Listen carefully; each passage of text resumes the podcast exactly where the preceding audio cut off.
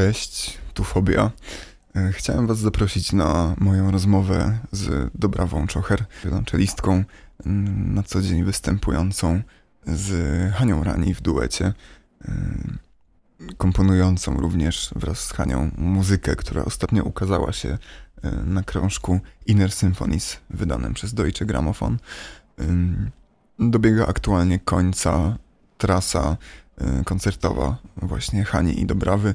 E, ostatnie dwa koncerty będą miały miejsce w NFM-ie we Wrocławiu i w Nosprze e, w Katowicach. W międzyczasie porozmawiamy z Dobrawą.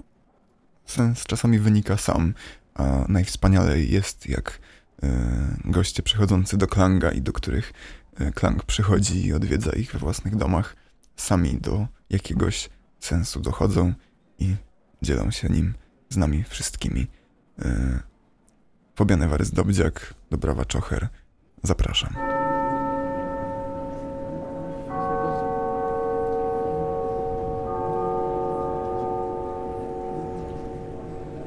Jaki film ostatnio cię poruszył albo dotknął, jaki widziałaś?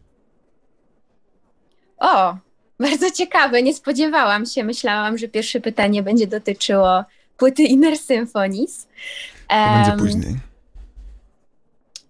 Słuchaj, więc ostatnio absolutnie na nowo odkrywam siłę dokumentu. I takim dokumentem, który y, mnie mm, wciągnął bardzo i zainteresował, to był dokument o Helmucie Newtonie, y, czyli o niemieckim fotografie, którego zawsze gdzieś tam kojarzyłam, znałam jego pracę. E, a teraz trochę bardziej poznałam jego postać i, i to było bardzo e, zadziwiające, jak bardzo może się różnić jakby mm, wyobrażenie o artyście na podstawie jego prac, a później sposób, w jaki on opowiada, w ogóle się zachowuje, jaki jest.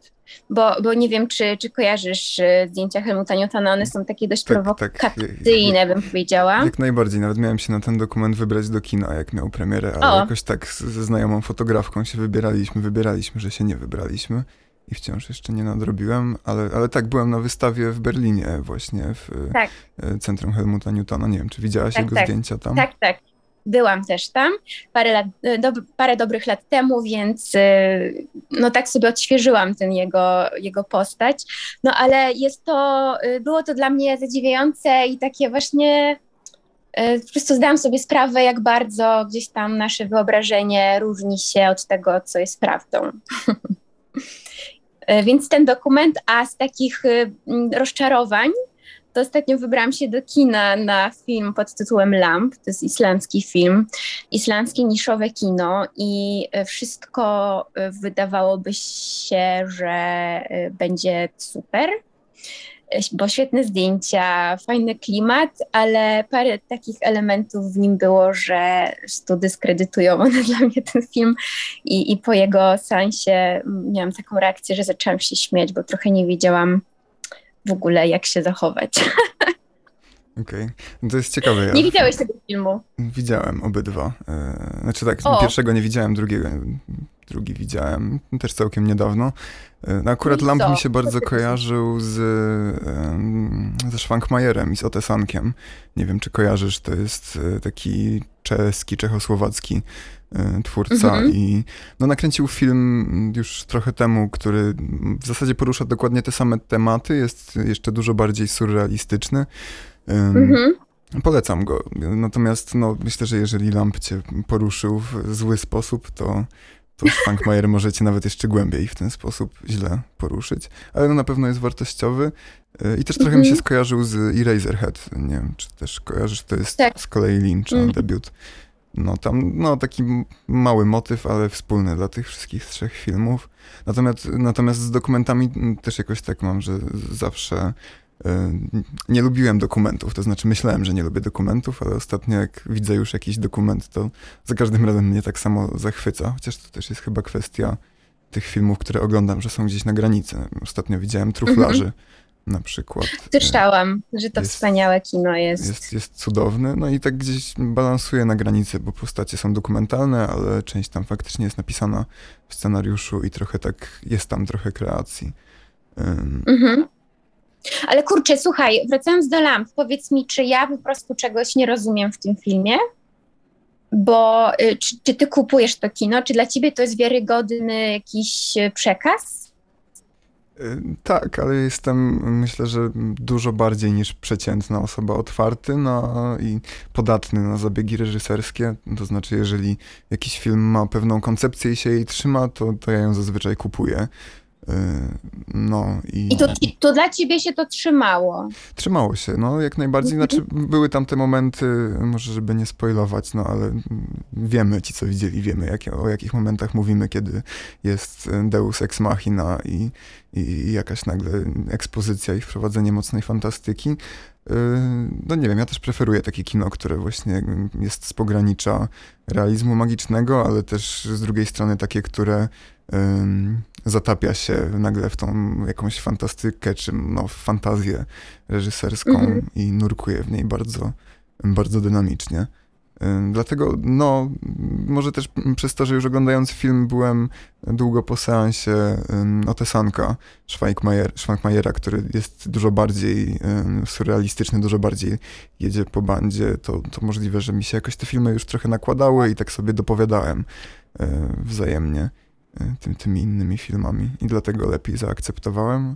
Ale... No, być może, może tak być. Chociaż wiesz co, y, nieuniknione, że na przykład jakbym obejrzała filmy tych reżyserów, których wspomniałeś, y, ja w ogóle też bardzo, bardzo cenię czeskie i kino, i literaturę, więc być może bym to kupiła, a akurat takie przedstawienie tej fantastyki mnie zdziwiło i rozbawiło w jakimś sensie też. No nie kupiłam tego, nie, było, nie był ten przekaz dla mnie taki, żebym, żebym nie poruszył. Mm. A o czym był twoim zdaniem ten film, Lamp? No właśnie ciężko mi jednoznacznie powiedzieć. Myślę, że na pewno tutaj o, o przyrodzie, o, o, jakby wpływie człowieka na, na przyrodę, wpływie um, człowieka na co jest jego własnością, a co nie, e, gdzie, gdzie powinien wkraczać, a gdzie nie, ale nie jestem pewna, czy to o to chodziło. Właśnie widzisz, no może właśnie nie zrozumiałam tego filmu, dlatego go nie kupiłam.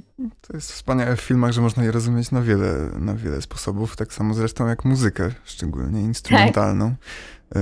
No, moim zdaniem Lamp był głównie jednak o rodzicielstwie i o jakiejś takiej mm, ciągnącej się e, żałobie za no to na no, pewno, no, to, ale to, to tak, a w drugiej kolejności też takie... myślę, że ona, no, relacji człowieka z naturą jak najbardziej i no, może bardziej nawet abstrakcyjnie o mm, jakimś ustaleniu systemu wartości, czy, czy w ogóle ludzki system wartości ma rację bytu w przyrodzie, to no, mhm. tak, tak bym to interpretował.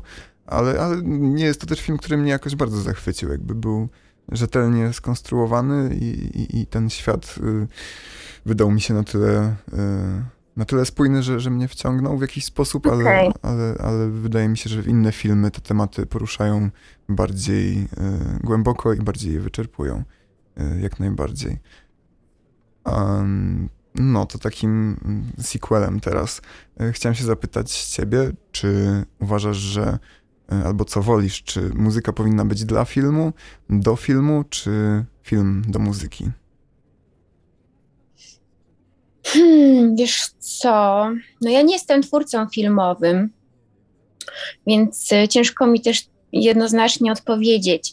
Chyba jednak powiedziałabym, że moja odpowiedź bardziej idzie w tym kierunku, że jednak muzyka jest dopełnieniem y, jakiegoś pierwotnego przekazu, który twórca ma w głowie, w wyobraźni ale na pewno są takie filmy, w których muzyka sprawia, że pewna emocja, ukryta emocja i, i jakaś tajemnica czy atmosfera y, dzięki niej wychodzi na pierwszy plan. I moim zdaniem takim filmem są na przykład godziny, gdzie muzyka Glasa, y, gdyby była inna muzyka tam zawarta, to myślę, że ten film nie byłby tak doskonały. Że na przykład, że to jest przykład filmu, w którym muzyka jest równorzędna w ogóle narracji. Ja to tak czuję i, i tak jak powiedziałam, mam wrażenie, że sprawia, że w ogóle ten film jest tak świetny. Chociaż w większości filmów jednak chyba muzyka jest jakimś dopełnieniem. Mhm. Już się tłumaczę, e, dlaczego zadałem to pytanie. W ogóle e, jeszcze przerwę sam sobie. Wspomniałaś o Filipie Glas, Glasie. Mi się on kojarzy e, z Lewiatanem z Wiegincewa. Bardziej niż z godzinami nawet. To może nie jest aż taki popularny film, ale.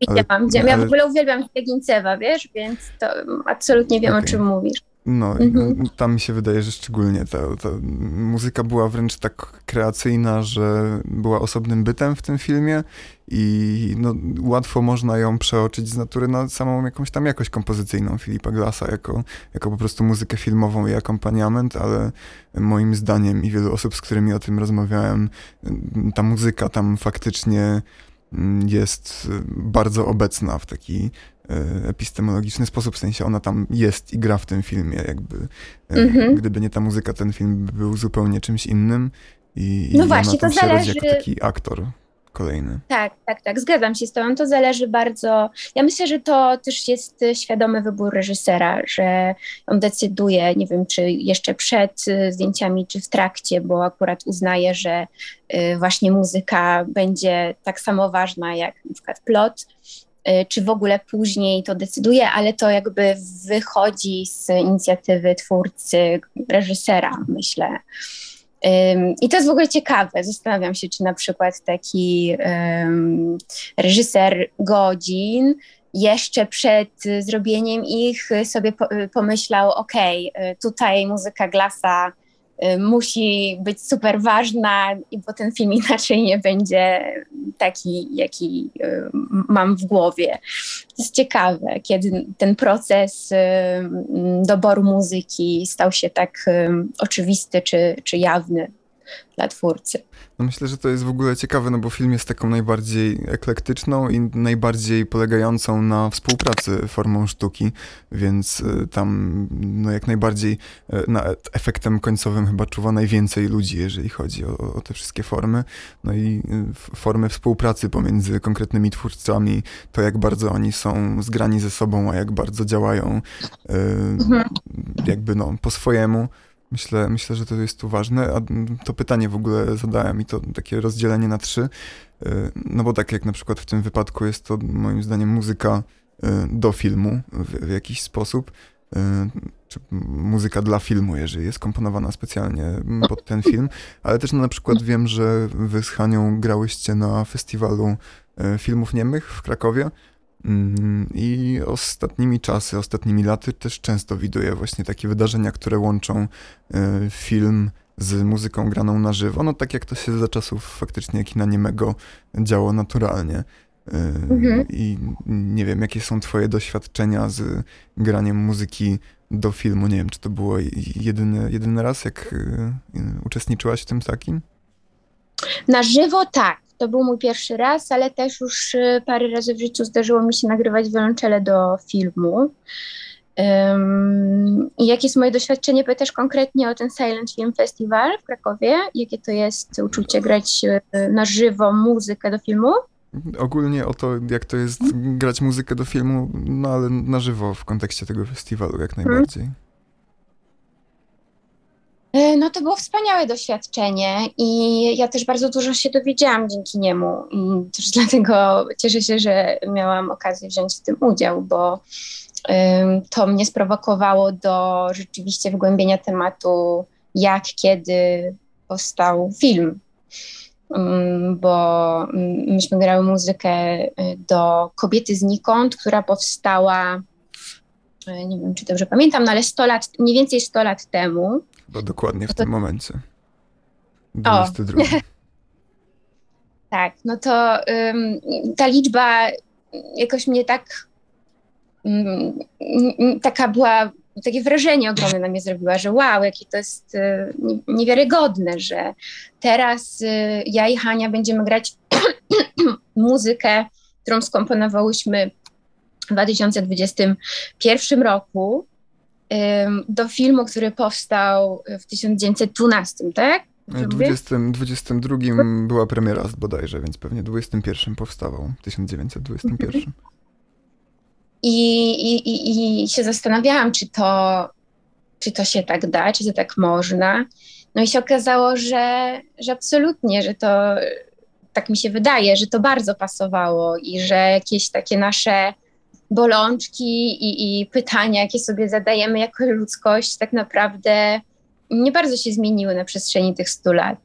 Bo oczywiście mm, pod względem technologicznym poszliśmy niesamowicie do przodu, ale jakimś takim mm, filozoficznym, no to nie, no wciąż pytamy o te same sprawy i, i się zastanawiamy nad podobnymi kwestiami. No na pewno. Mhm. Więc to doświadczenie było, było no, yy, przepraszam, dokończ. Y, znaczy tak, y, po prostu pytamy się o te same rzeczy, tylko zmieniła się forma komunikacji w jakimś stopniu. Y, tak mi się mm -hmm. wydaje. To na pewno, aczkolwiek w tym filmie właśnie był tylko tekst pisany, były po prostu napisy i, i ta nasza muzyka i w moim odczuciu to, to jakoś bardzo się zgrało i, i pasowało. E, a samo doświadczenie e, no, było niezwykłe. Też e, my podeszłyśmy do tego z Hanią w taki sposób, że jednak właśnie postawiłyśmy ten obraz na pierwszym miejscu i jakby nie chciałyśmy, żeby to wydarzenie było o Hani, o mnie i o Inner Symphonies, tylko o kobiecie znikąd a to, co my jakby zaproponowałyśmy od siebie, to był tylko jakby, to było przedłużenie jakby tej emocji, którą my wyczytałyśmy w tym filmie. E, więc kiedy wykonywałyśmy muzykę, to cały czas e, jakby nadążałyśmy za tym plotem, nadążałyśmy za główną bohaterką. I, I to, było, to było dla mnie super doświadczenie. Tak jakby utożsamić się z tą kobietą, a nie być na scenie o sobie. No tak, to kolejna forma komunikacji w sumie, bo pomiędzy dziełem, które już istnieje, a, a, a, współczesnym dziełem i komunikacji tych emocji i tych pytań, które sobie cały czas zadajemy. Yy, no, myślę, że wszystko jest trochę o komunikacji yy, i wszystko jest problemem mhm. komunikacji. Yy, mhm. no, ludzkim myślę, że tak.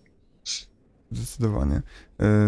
No i trzecia forma, czyli film do muzyki Wy, z tego co wiem, stworzyłyście tylko teledysk do Malasany, tak oficjalnie, jeżeli chodzi o taki fabularny teledysk, czy się nie mylę?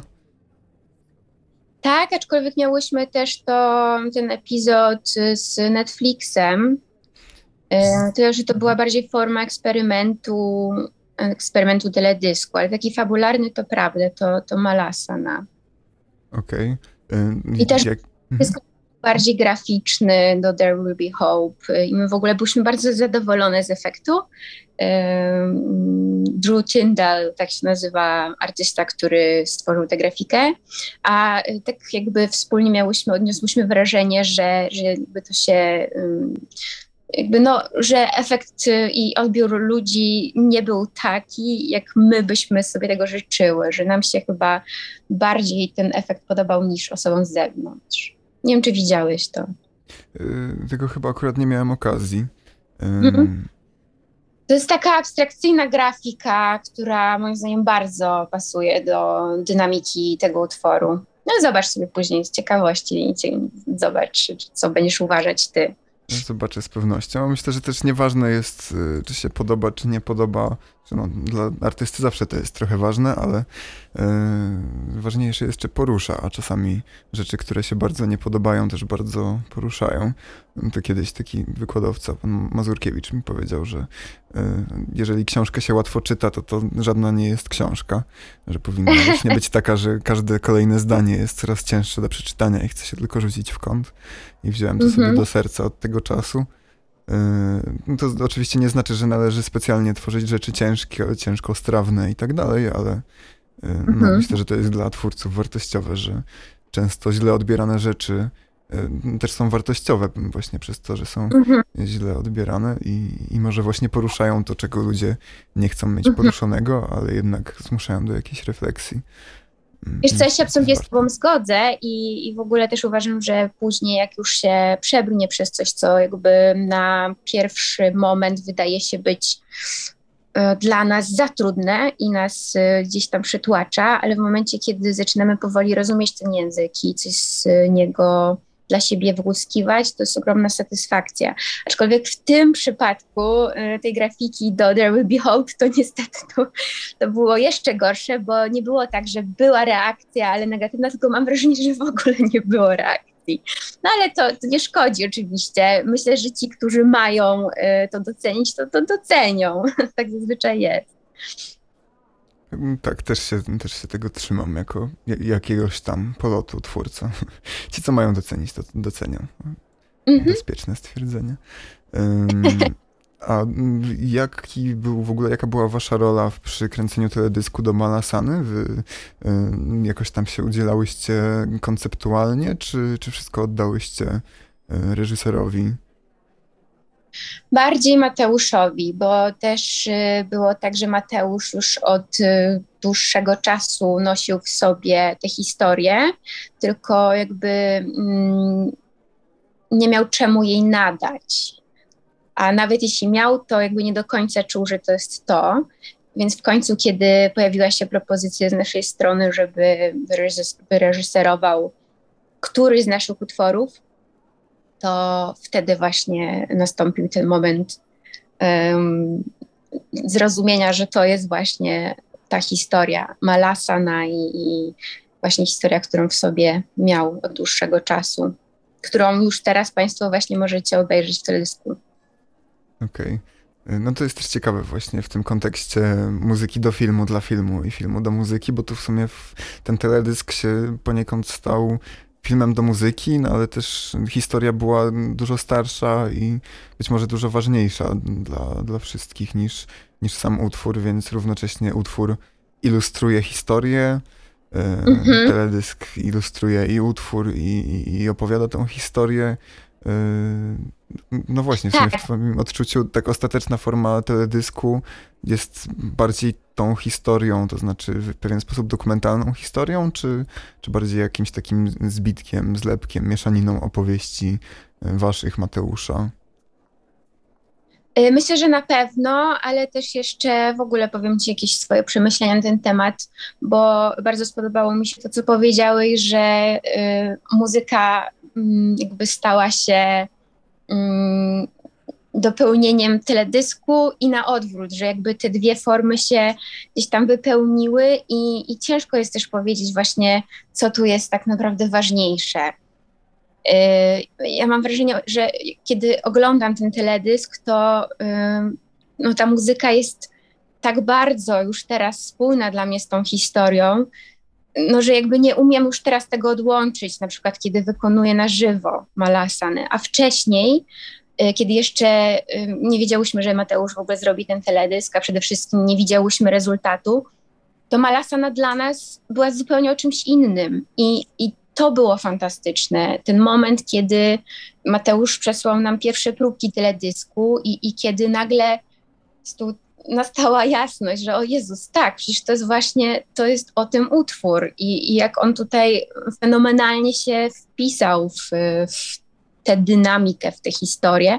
A wcześniej, kiedy go pisałyśmy, to raczej myślałyśmy o właśnie głębokim oddechu, o pozycji jogicznej, która w sumie y, też się nazywa właśnie malasana. Właśnie Więc to miał być tak oddech, a tutaj z tego nagle Mateusz wyłuskał dramaturgię i to taką bardzo głęboką dramaturgię.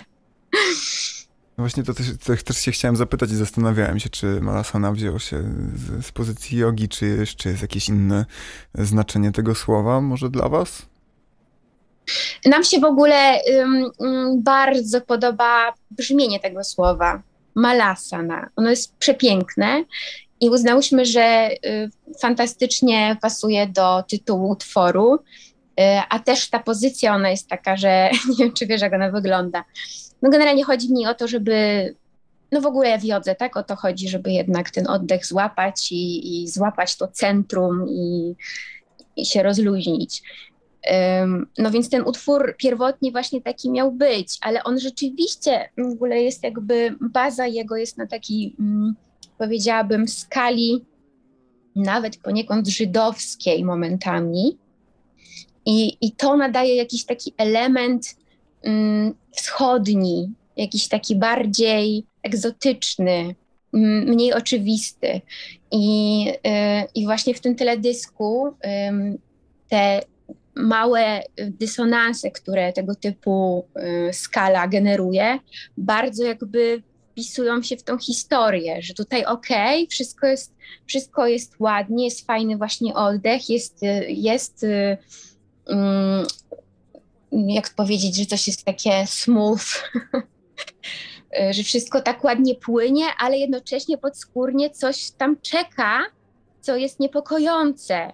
I w tym teledysku zresztą też jest właśnie taka dynamika, że na początku tak naprawdę y, fokus jest na, na to dzieciństwo, na dzieci, na relacje z ojcem, a na końcu dopiero cała prawda wychodzi. Tylko, że od początku czuć ten dysonans, czuć, że coś jednak tu nie gra i zaraz coś się um, okaże, co nie jest może do końca um, bezpieczne.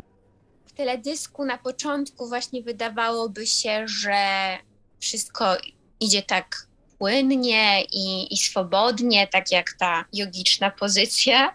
Tak to sobie symbolicznie porównajmy, bo fokus jest na relacje z ojcem, na dzieciństwo i tak dalej, i tak dalej. Aczkolwiek właśnie ta dysonansowa skala, na której oparty jest ten utwór, jednak sugeruje, że gdzieś tam podskórnie jest jakiś niepokój i coś wkrótce nastąpi, co być może nie jest takie bezpieczne i takie łatwe. No i właśnie w teledysku na końcu cała prawda wychodzi na jaw. I wydaje mi się, że właśnie Mateusz no doskonale to przedstawił. Ja jestem zachwycona i w ogóle nigdy nie zapomnę swojej pierwszej reakcji, kiedy już widziałam całość. Byliśmy wtedy na trasie z Hanią. Dokładnie pamiętam, gdzie w Zurichu w lobby hotelowym czekałyśmy chyba na wyjazd do do miejsca, gdzie mieliśmy koncert i sobie to puściłyśmy i ja, i tam było dużo ludzi w ogóle, coś nasi, nasi znajomi jeszcze z Zurichu.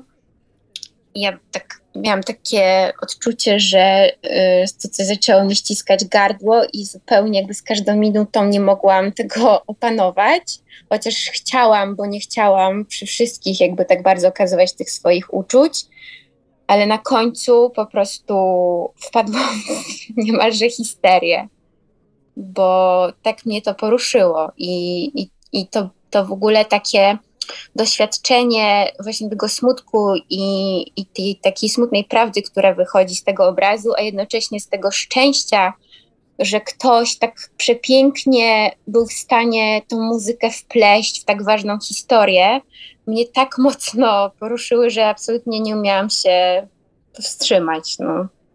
Także no. Niesamowite, chyba najsmutniejsze w tym jest to, że ta historia jest cały czas aktualna i prawdopodobnie będzie zawsze aktualna. No w ogóle ucieczka, tak, wojna, ucieczka przed wojną to jest coś takiego, co no, mnie też ten teledysk poruszył, a, a widziałem go teraz bardzo niedawno, po raz pierwszy. Mm -hmm. I no, no właśnie wydaje mi się, że, że najsmutniejsze i najbardziej przejmujące w tym jest to, że być może on zawsze będzie tak samo aktualny. No ale jednocześnie jest to piękne i y, ponadczasowe w nim. Dokładnie.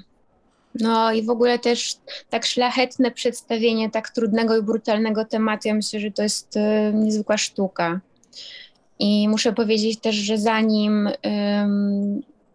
zanim zdecydowaliśmy się, że na 100% idziemy w to, ja nie byłam tak pewna, że to jest dobry pomysł, bo wydaje mi się, że jest niewielu twórców, którzy w tak właśnie delikatny, subtelny i właśnie piękny sposób są w stanie przedstawić ludzką tragedię, że, że czasami to jest zbyt dosłowne i, i przez to nie ma takiego um, polarażenia, a, a tu przez tą właśnie szlachetność, która się przejawia i w historii, i w obrazie, no Mateusz porusza po prostu te najczulsze struny w człowieku.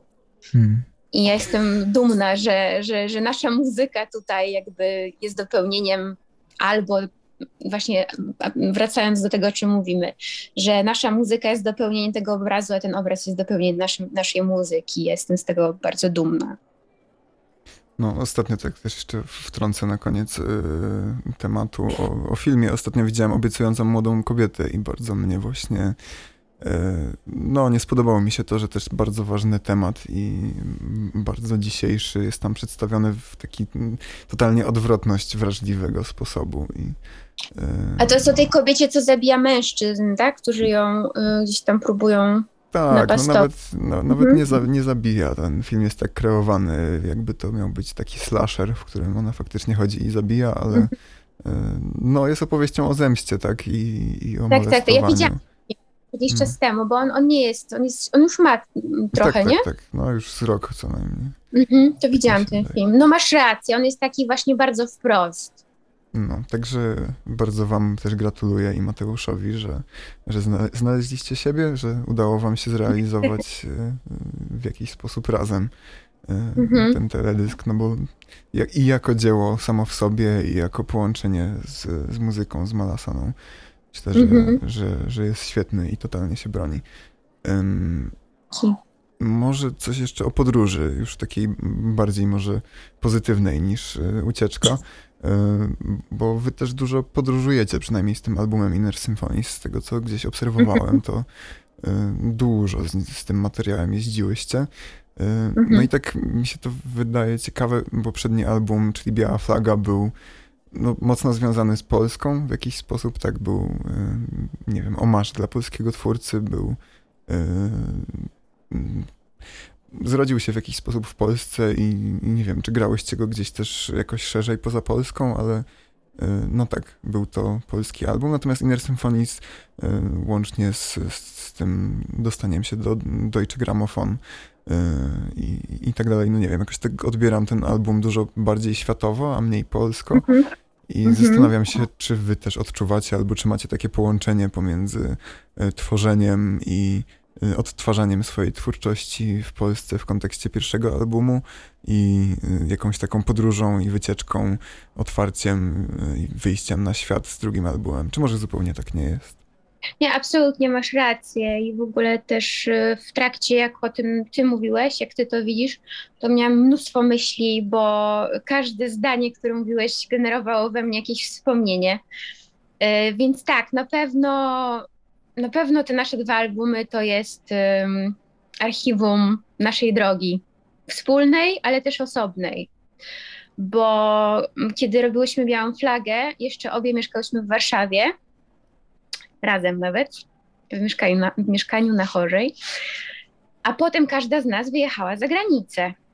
I rzeczywiście zdarzyło się parę razy, że mieszkając za granicą, zagrałyśmy białą flagę y, parę razy gdzieś właśnie y, poza Polską. To była dokładnie Austria i chyba Portugalia.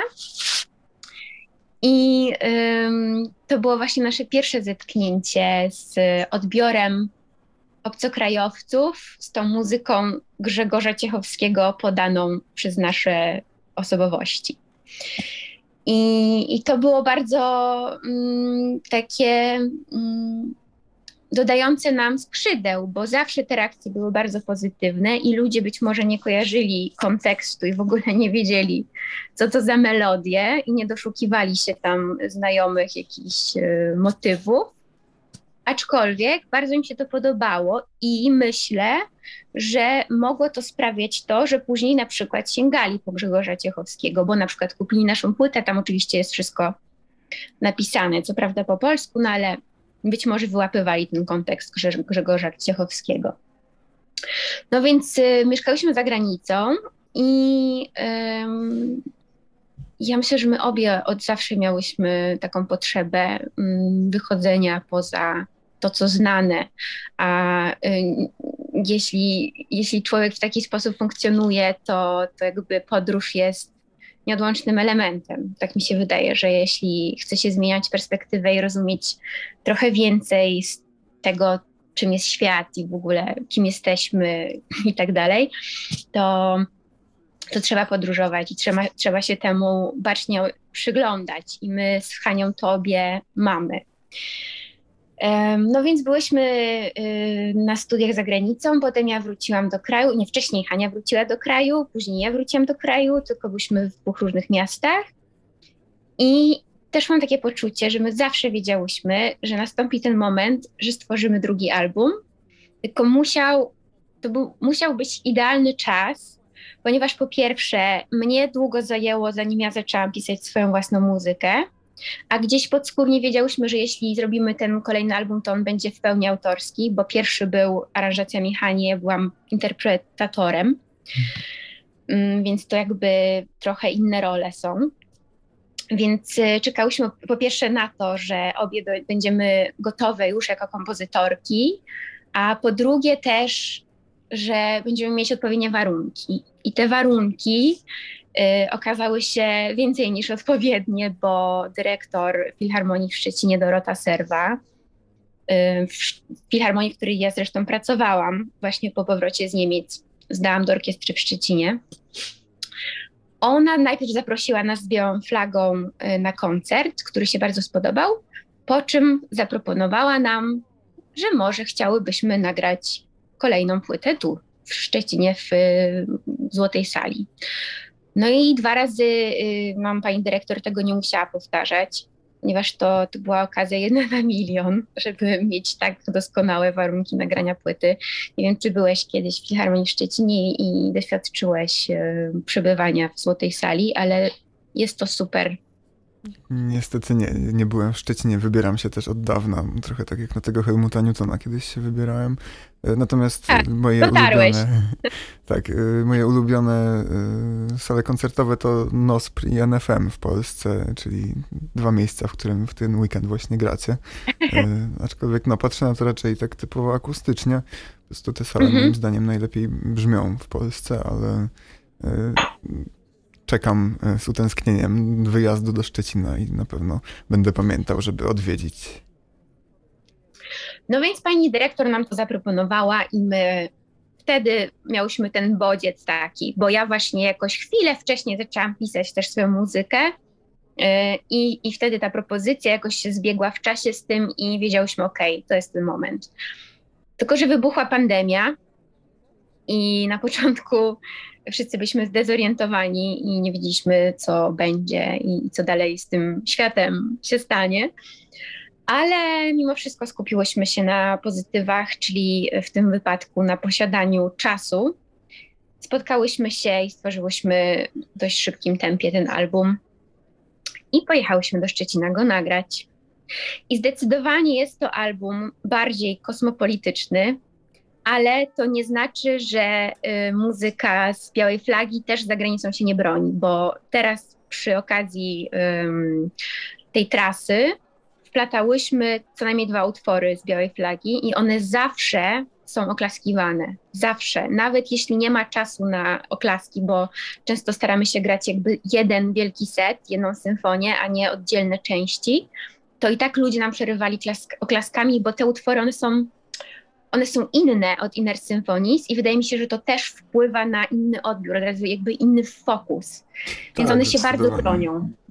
Znaczy to, to przede wszystkim są piosenki, to no, może brzmi tak zbywczo, mm -hmm. ale no, to jest jakaś forma muzyczna i kompozycyjna, która, która w inny sposób na inne, nie wiem, obszary w mózgu działa niż, niż muzyka chociażby z Inner Symphonies i tak. E, no ja, ja akurat słyszałem e, tą pierwszą płytę na slocie w katedrze i pamiętam, że nawet trochę sobie myślałem, no nie w tych słowach, ale że no, może wolałbym właśnie nie znać tych utworów i e, jako taki obcokrajowiec je słuchać w pewien sposób, bo e, mhm. no faktycznie jeszcze w tej katedrze na slocie, gdzie to wszystko było takie, no przestrzeń była wypełniona tą muzyką i e, brzmieniowo też super tam działało. Tak. Jak był, po prostu orientowałem się w pewnych momentach, jaka piosenka E, którą znam, jest grana i to zawsze było dla mnie jak takie no, przebywanie w jednym stanie, może właśnie e, jogicznym i oddechu i nagle wlatywanie, nagle bycie wybudzonym z, z jakiegoś rodzaju błogiego stanu, czy, czy no stanu mm -hmm. takiego kontemplacyjnego w e, no, pewne konkretne obszary mózgu powiązane z z muzyką, w tym wypadku Grzegorza Mhm. Ciechowskiego. E, Co jakby nie znaczy, że to jest złe, ale, ale w, tamtym, e, w tamtym momencie tak odczuwałem, że, Mhm. że, że może wolałbym nie znać tych, tych piosenek i może bym bardziej wtedy był w stanie jakoś tak jednolicie, jednolicie je docenić. E, Jakie w ogóle masz wspomnienia? Na pewno inaczej byś to interpretował, ale myślę, że to też jest, z drugiej strony to też jest przyjemny ten moment, kiedy aranżacja odbiega od oryginału i nagle tam wchodzi ta melodia, którą wszyscy znamy i znamy tekst. Y, To też myślę, że jest y, swego rodzaju przyjemnością. Tak, no, no to jest takie clue, które w sumie od zawsze stało i za muzyką jazzową i nie wiem, chociażby za, za jakimiś tam utworami, kantatami Bacha, które też w, wplatał folkowe i znane melodie i, i potem je Mhm. rozpracowywał, albo no może w kantatach akurat nie, no ale czy w jazzie, gdzie też jakby branie z popkultury garściami, czy, czy z bluesa, czy z innych znanych w, w danym momencie melodii, Tak. no to, to jest clue wielu, wielu muzyk i y, no myślę, że bardzo dobrze, że to zrobiłyście i, i, i oby, oby tak dalej. Y, Dzięki. Oby to było może jakieś, nie wiem, zaczęcie fali y, in, interpretacji w, bardziej poważny sposób, bo myślę, że to też jest po, potrzebne, szczególnie w kontekście tego materiału źródłowego, no bo jest wielu artystów, którzy tworzyli, tworzą w jakimś swoim, y, no ograniczonym do swojego stylu jednak, a, być może właśnie reinterpretacje takie jak wasze, y, no raz, że nadają drugie życie, ale też pozwalają zupełnie inaczej spojrzeć y, na materiał źródłowy. Więc Tak. tak, myślę, że to jest wartościowe. A jakie masz wspomnienia, o ile jakiekolwiek z koncertu na slocie? Bardzo dobre, bardzo piękne miejsce, przepiękna katedra, mm, przepiękny odbiór. Bardzo dobrze pamiętam ten dzień. Ym, Pamiętam też, że zaczęłyśmy im, takimi improwizacjami, co było dla mnie osobiście mm, wyzwaniem, bo na, ile lat temu był ten slot? Już parę lat, ładnych lat temu, prawda? Tak, było to parę ładnych lat temu. To ja jeszcze wtedy byłam bardzo taka sfokusowana na bycie świetnym muzykiem klasycznym, bycie świetną wiolonczelistką. Więc ta improwizacja to było jakieś takie sięgnięcie poza moją strefę komfortu. Dlatego też tak dobrze pamiętam ten koncert, bo zazwyczaj grając y, Białą Flagę, grałyśmy po prostu Białą Flagę, a tutaj trochę wzbogaciłyśmy ją o tę improwizację pomiędzy utworami. I pamiętam, że właśnie to był taki dla mnie challenge, ale taki bardzo fajny i później chyba mnie to też zresztą zainspirowało do dalszych poszukiwań. No i skończyło się na tym, że też zaczęłam pisać muzykę, więc być może to był ten jeden z pierwszych impulsów do pisania własnej muzyki, kto wie. Myślę, że na pewno. No, improwizacja jest czymś takim, co, co i rodzi chęć pisania, i trochę odciąga od, od, od pisania muzyki, przynajmniej w moim doświadczeniu. Yy, ale no, na pewno jest bardzo wartościowe, jeżeli chodzi o poznanie siebie jako twórcy i, i no, taką eksplorację. Jakby ja jestem w ogóle wielbicielem improwizacji wszelakiej, no i pamiętam też, podejrzewam, że po prostu momenty improwizowane z tego koncertu najbardziej mi zapadły wtedy, wtedy w pamięć, yy, kiedy to nie były momentami wybudzania, tak. Mhm. Ale, ale no, no to już jakiś taki mój życiowy romans z improwizacją, ale no, staram się promować improwizowanie w każdym w ogóle aspekcie, nie tylko muzycznym. Myślę, Aha. że to jest rozwijające też tak psychologicznie, twórczo, yy, umysłowo. Jest- Myślę, że wtedy warto jesteś improwizować. Prawdziwie wolni, kiedy improwizujemy. Jesteśmy prawdziwie wolni, jesteśmy prawdziwie sobą. No. Jest, Mm. jest to czyste Zgadzam po prostu.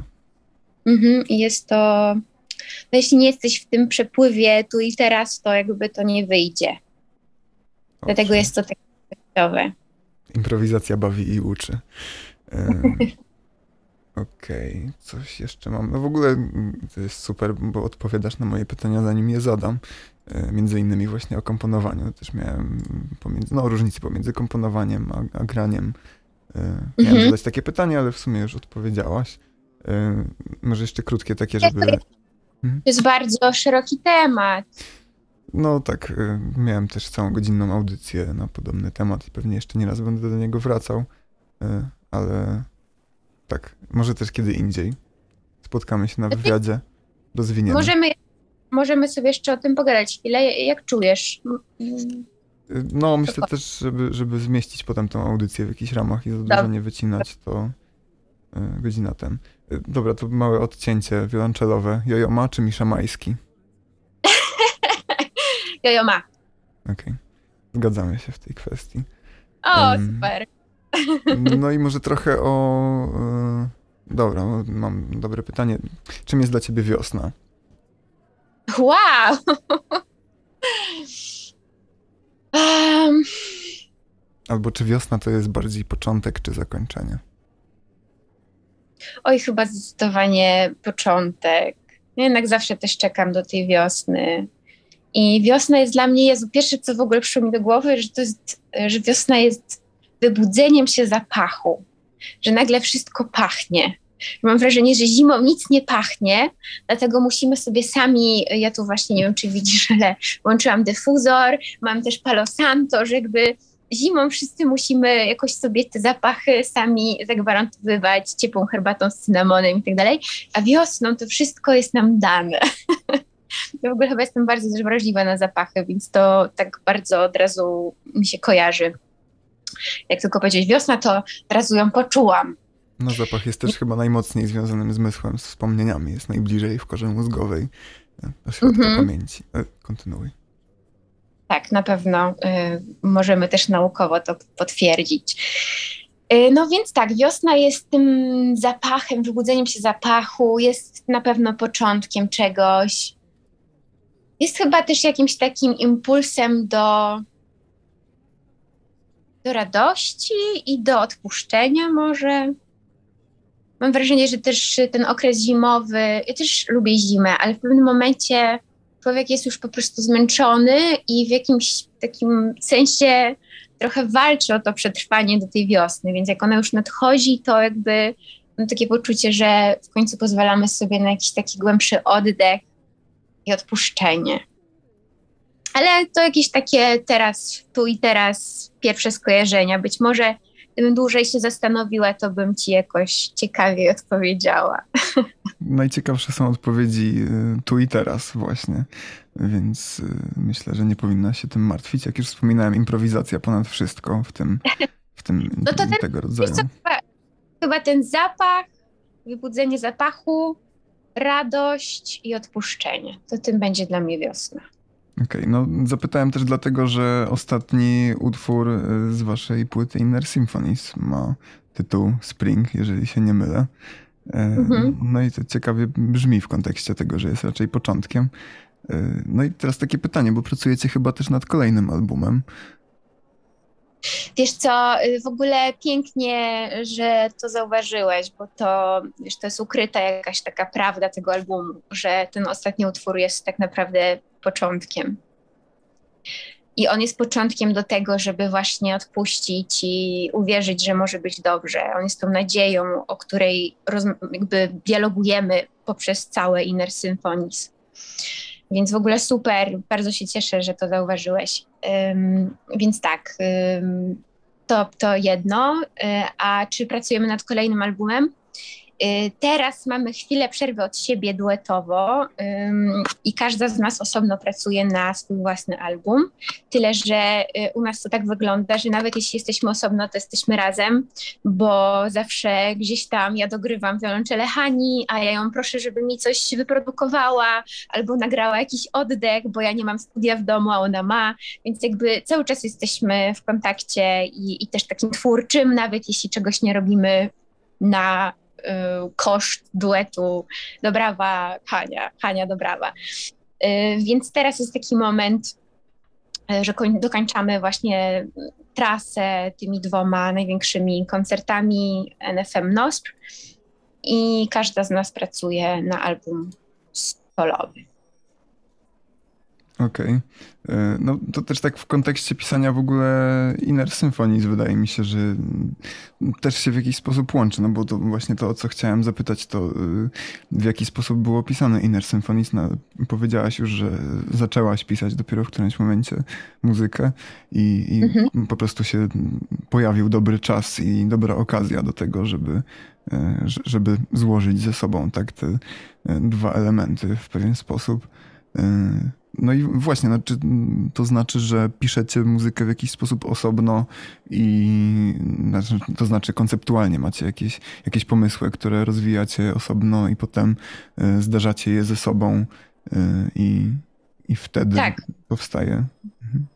Zdecydowanie tak i też tak zaczęłyśmy z Inner Symphonies, bo na początku w ogóle nikt nie mógł wychodzić z domu, więc próbowałyśmy robić to przez Skype'a, a tak naprawdę polegało to po prostu na tym, że mm, każda jakby nagrywała jakieś um, pomysły i wysyłając do siebie, ta druga strona mogła jakby mm, to, tego, to przesłuchać i nad tym popracować, a później jak już się spotykałyśmy, to po prostu robiłyśmy cały koncept tego, też taki formalny, bo każdy utwór musi mieć swoją formę i też płyta musi mieć swoją formę.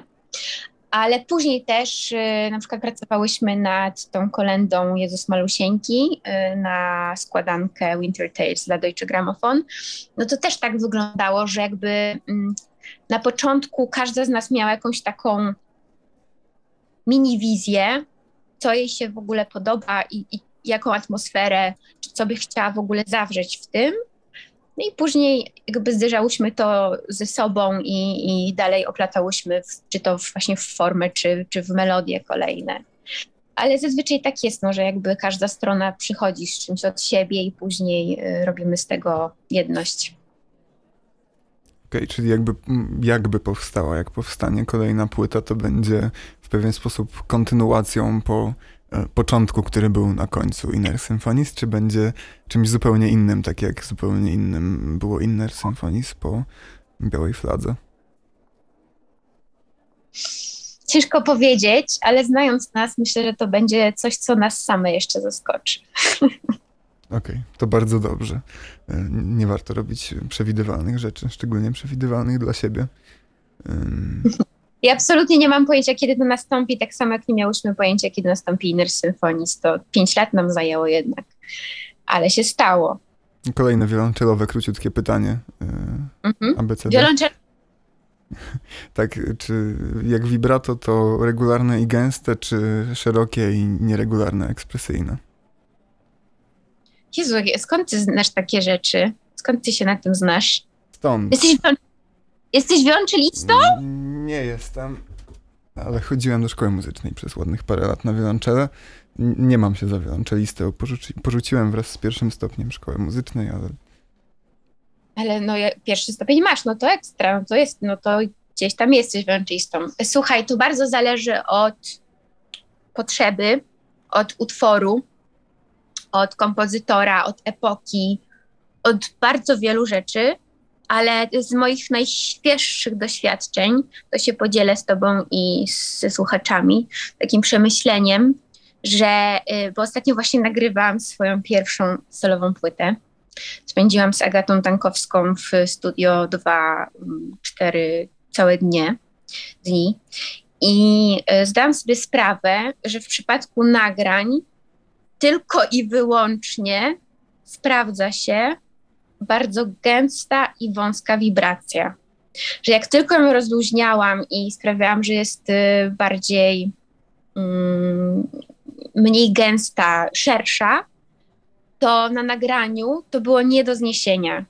Y, jakby mikrofon, zwłaszcza ten bliski, sprawia, że jest to tak wyolbrzymione i, i, i staje się własną karykaturą, więc było okropne. Więc w przypadku mojej tej płyty, którą teraz nagra nagrałyśmy, to raczej sprowadzam się do wąskiego i gęstego, ale na koncertach solo, na przykład in, z Inner Symphony z Hanią, są takie fragmenty, gdzie pozwalam sobie na bardzo szeroką i wolną wibrację, bo wiem, że akurat na koncercie live to się sprawdzi. Więc to bardzo zależy i to jakby na to trzeba być bardzo wyczulonym i wiedzieć gdzie, jak, czego użyć. Prawda, no ja zawsze bardzo nie lubiłem gęstego i wąskiego, ale to prawda, że mikrofon przyłożony w twarz wiolonczeli bardzo wyolbrzymia te różnice w wysokości tonu i, i, i no, tak. jak za bardzo się waha, no to już się staje karykaturalne. E, Uwierz ale... mi, to jakby tylko z opuszka prawie, że takie gęściutkie, ono przepięknie się sprawdza y, w tego typu muzyce, bo być może w sonacie Brahmsa by się nie sprawdziło. Nie wiem, nie nagrywałam sonaty Brahmsa, na takie mikrofony bliskie. Więc nie wiem, ale y, akurat tutaj w przypadku tej muzyki, którą ja skomponowałam, y, szerokie, rozluźnione, w zasadzie książkowe vibrato absolutnie się nie sprawdziło. Okej, okay. a w takim razie ta muzyka, którą teraz solowo nagrywasz, to co to jest? Czym to czujesz? E, słuchaj, to jest myślę, że coś podobnego do tego, co już y, znamy z Inner Symphonies, no bo to też jest po części moja muzyka. Um, ale jest ona tak napisana, że nawarstwiam głosy wiolonczeli. Czyli okay. równie dobrze ona będzie mogła być wykonana w ansamblu wiolonczelowym, ale też mam plan, żeby wykonywać ją z looperem solo. Czyli brzmieniowo 100% wiolonczela. Tak, aczkolwiek będzie ją produkować e, mój dobry znajomy Niklas Paszburg. I mam nadzieję, że on jeszcze mm, trochę mm, rozjaśni to brzmienie wiolonczeli i, i coś znajdziemy razem. Będziemy nad tym pracować za miesiąc. Zobaczymy, co z tego wyniknie. Ale tak, Y, chciała, chciałam, miałam takie założenie, że ta pierwsza płyta moja solowa będzie taką wizytówką mnie jednak jako wiolonczelistki, bo nią się czuję przede wszystkim i wiolonczele znam najlepiej i, i jakby odważyłam się pisać muzykę też głównie na wiolonczele, a co przyszłość mi przyniesie, to jeszcze się okaże. Super, to czekamy na pewno wszyscy y, gęsto i mocno. No to jest prawda. Tak, jak wibrata. E, mocno szeroko i ekspresyjnie czekamy. No, ale to w ogóle jest bardzo prawdziwe o wiolonczeli, że znaczy ma piękne brzmienie i można tym brzmieniem ogarnąć bardzo duże spektrum, ale jednak jest bardzo zbliżona do głosu ludzkiego, może do wielu głosów ludzkich, ale jednak, jednak do, do ludzkiego głosu, więc no, tak sobie wyobrażając, czy słuchając gdzieś jakiejś kameralistyki wiolonczelowej, no to trochę jest jak muzyka taka churalna. Y, trochę mm. właśnie to, to brzmi jak y, wielośpiew, y, co jest mm -hmm. piękne w pewien sposób, ale też ograniczające, no ale wydaje mi się, że z ograniczeń wynikają twórczo chyba najlepsze rzeczy zazwyczaj. No, gdybym tylko właśnie się ograniczała do samego brzmienia wiolonczeli, to być może, ale będziemy też szukać jednak właśnie wsparcia komputera, a też różne odgłosy z wiolonczeli, które są nieoczywiste, można przetwarzać i, i to brzmienie być może będzie mm, ciekawsze. Zobaczymy. Aczkolwiek powiem Ci, że też mam takie przemyślenie, że mm, wiolonczela nie męczy, że nawet jak jest wiele warstw, to w przeciwieństwie do skrzypiec, jakbyśmy skrzypce tak nawarstwili, to myślę, że na dłuższą metę może to brzmienie zmęczyć, bo jest bardzo wysokie i bardzo intensywne. A jednak to tak, ta średnica wiolonczeli sprawia, że mm, jakoś to ludzkie ucho bardziej akceptuje na dłuższą metę to brzmienie. Takie no jest tak. moje przekonanie. No myślę, że naukowo też by się dało udowodnić, bo ewolucyjnie mamy uszy i przetwarzanie dźwięku przystosowane do, do ludzkiej mowy, ludzkiego głosu i śpiewu i krzyku, hmm. więc jak najbardziej to spektrum bardziej osadzone w tej średnicy e, no na pewno mniej męczy e, ludzkie uszy, bo mm, trochę pewnie odbieramy podobnie, jakby ktoś do nas mówił lub śpiewał lub porozumiewał się z nami. E, no to w sumie mhm. też jest ciekawa taka kmina gdzieś na przyszłość, że wiolonczela jest takim najbliższym głosowi w pewien sposób, formą komunikacji instrumentalnej. E, no, pewnie jeszcze się będę nad tym zastanawiał w przyszłych audycjach. Miałem coś na koniec, pytanie. Tak, do czego tańczysz? Mm, do wszystkiego tańczę. Mm, jak tylko coś sprawia, że chce mi się ruszać, to, to to robię i w ogóle bardzo lubię tańczyć. I trochę też ubolewam, że przez COVID tańczę rzadziej i w ogóle coraz mniej chodzę na i imprezki. Mm, ma to swoje plusy, ale jeśli chodzi o taniec, to trochę tracę. Ja wiesz co, dużo jogi uprawiam i może to mi trochę występuje, ten taniec, to kołysanie biodrami i tak dalej, ale y, tańczyć lubię do, do wszystkiego, nawet do muzyki klasycznej można tańczyć. Jak najbardziej też wiele muzyki klasycznej pochodzi od tańca, jeżeli nie większość nawet. Y, no. Y, super. To, to w takim razie chyba wszystko z mojej strony. Bardzo miło się rozmawiało. Rozgadaliśmy się. Wiolonczelisto, to dlatego tak się znasz na tej Ja się zastanawiam, skąd wie, kto to jest Jojo Ma. Ja mam myślę, że jego sława go wyprzedza trochę. Już nie tylko części go znają, ale. No, tak. Rzucasz, wiesz, mi Szamelski. Takie, no to oczywistość. No wiesz, nie dla wszystkich. Y, miło mi, że zaskoczyłem trochę też w takim razie i no, do zobaczenia y, na Bardzo koncercie dziękuję. gdzieś z odległości i może kiedyś w rozmowie. Dobrze. Bardzo Dzięki. chętnie.